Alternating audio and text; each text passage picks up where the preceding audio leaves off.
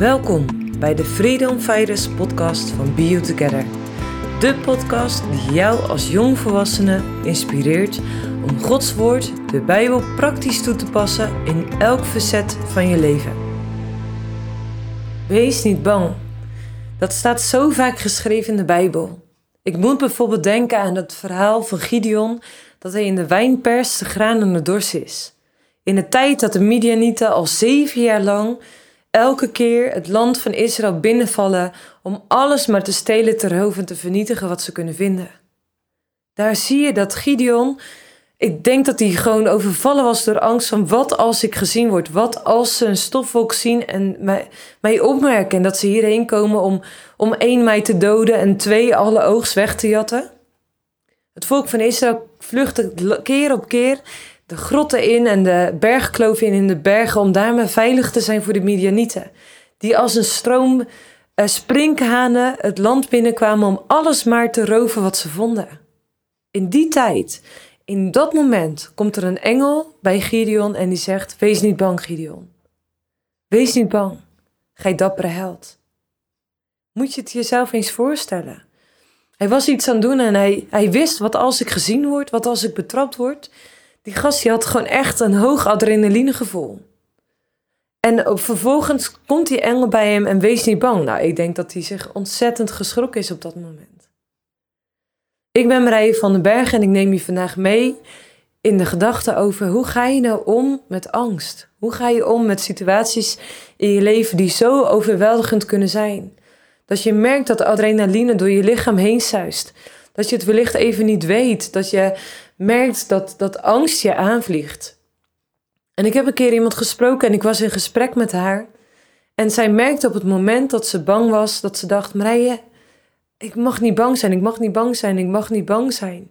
En juist op die momenten dat ze zo bang was en ze dat zo voornam om maar niet bang te zijn, merkte ze dat paniek haar aanvloog.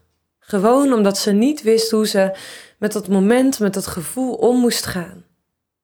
Ik wil je meenemen naar Psalm 46, daar staat het volgende. God is ons een toevlucht en een vesting, een sterkte. Hij is in hoge mate een hulp gebleken in benauwdheden. Daarom zullen wij niet bevreesd zijn. Al veranderde de aarde van plaats en werden de bergen verzet naar het hart van de zeeën. Weet je wat zo mooi is?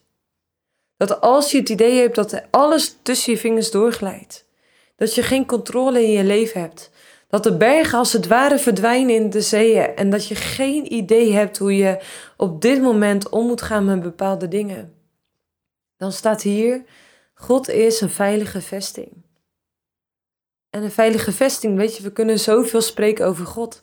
We kunnen het hebben over de grootheid van God. We kunnen het hebben over het perspectief van God. We kunnen spreken over het feit dat God voor jou en mij zorgt, juist in tijden dat het moeilijk is. Maar weet je wat zo onwijs belangrijk is? Het gaat niet alleen maar hebben over praten over God of weten wie Hij is.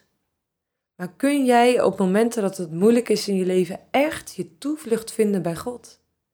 Weet je jezelf echt welkom bij Hem? Weet je dat het veilig is bij Hem? Weet je dat je gezien wordt door Hem en gekend wordt en dat Hij van verre jouw gedachten kent? Dat is zo ontzettend belangrijk. Weet je wat mij ontzettend helpt? Is me gewoon voor te stellen wat in Jesaja 66 vers 1 staat. En daar staat dat de aarde Gods voetenbankje is en de hemel zijn troon. Dat betekent dus dat het perspectief wat God heeft, mijn perspectief overstijgt. Niet alleen voor de tijd dat ik hier op aarde leef, maar God kijkt zelfs over de eeuwen heen. En Hij is bij machten om zoveel meer te doen dan dat wij bidden of beseffen. En ik realiseer mezelf dan zo vaak, weet je, mijn gezichtsveld is beperkt. Mijn voorstellingsvermogen is beperkt. Mijn emoties zijn beperkt omdat het zo vaak gekleurd is door bepaalde ervaringen die ik heb gehad in het leven. Of door mijn opvoeding of door Bijbels onderwijs. Het, het plaatje wat ik van God heb in mijn leven. Maar dat is zo beperkt, want dat is maar een fragment van de grootheid die God is. Misschien ken je dat plaatje wel. Van allemaal mensen die geblinddoekt eh, ergens een, een olifant betasten en zich dan afvragen wat het zou zijn. Maar geen van die mensen kan die hele olifant bevatten. Die kan niet helemaal zien wat voor beest dat het is wanneer ze geblinddoekt zijn. En nu is het ook zo dat wij hier op aarde uh, eigenlijk met bedekte ogen maar kunnen zien wie God is. Wij kunnen ons geen enkele voorstelling maken van de grootheid die God bevat.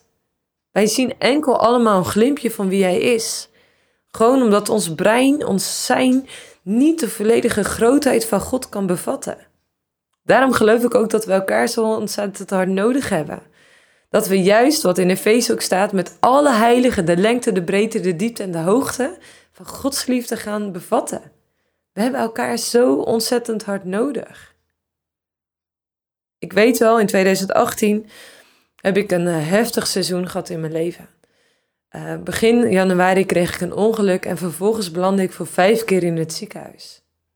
En ik weet wel, ik denk dat het mijn derde of vierde ziekenhuisopname was en het was Palmzondag. Ik had voor de tweede keer bloedvergiftiging en vervolgens zou het zelfs, dat wist ik toen nog niet, nog heftiger worden met een derde keer. De artsen stonden daadwerkelijk met hun handen in het haar. Toen ik later door posttraumatische stressklachten in zo'n therapietraject kwam, kon ik me herinneren hoe dat de arts naar mij keek. Namelijk, ik kon die angstige blik in zijn ogen kon ik me herinneren. Hij was bang voor mijn leven. Hij vreesde voor mijn leven en hij had geen idee wat er met mij aan de hand was. Even als context van die Palmzondag. Ik had een uitnodiging gekregen om naar de dienst in het ziekenhuis te gaan. En ik zei tegen de, de verplegende, uh, ik zei tegen de verpleegster, ik zou heel graag naar die dienst willen gaan. En zij vroeg mij, Marije, hoe zou je daarheen willen gaan? Of eerder, vrouw von den Berg, want ik lag in Zwitserland in het ziekenhuis. En ik zeg tegen haar, gewoon, in een rolstoel. Maar dat kon niet. Ik was te ziek om in een rolstoel vervoerd te worden.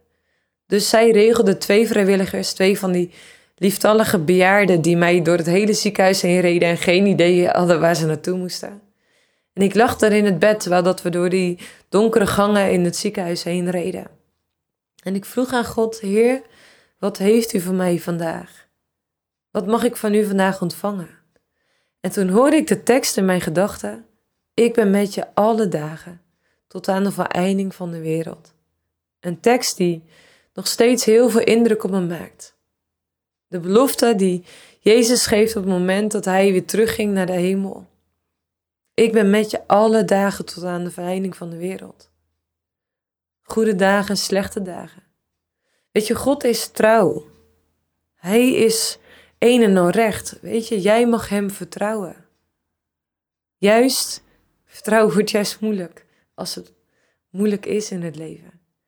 Vertrouwen is juist moeilijk als het erop aankomt. Durf ik echt mijn leven toe te vertrouwen aan God? Zelfs als ik mijn leven niet kan controleren. Zelfs als ik geen idee heb waar ik naartoe moet. Zelfs als ik overspoeld word door angst en ik geen idee heb waar de uitkomst zal zijn en op wat voor manier. Daarnaast heb ik nog zoveel geleerd over het leven. Namelijk, weet je, als het aankomt op emoties, zo vaak wordt de, de, preek over wees niet bang gezegd van weet je, je mag niet bang zijn. Of je moet niet bang zijn.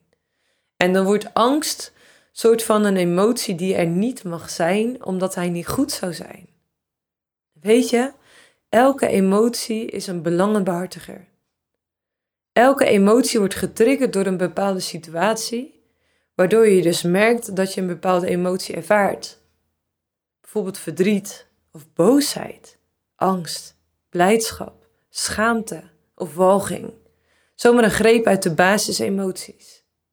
En elke emotie roept je op om dingen te toetsen, om in beweging te komen.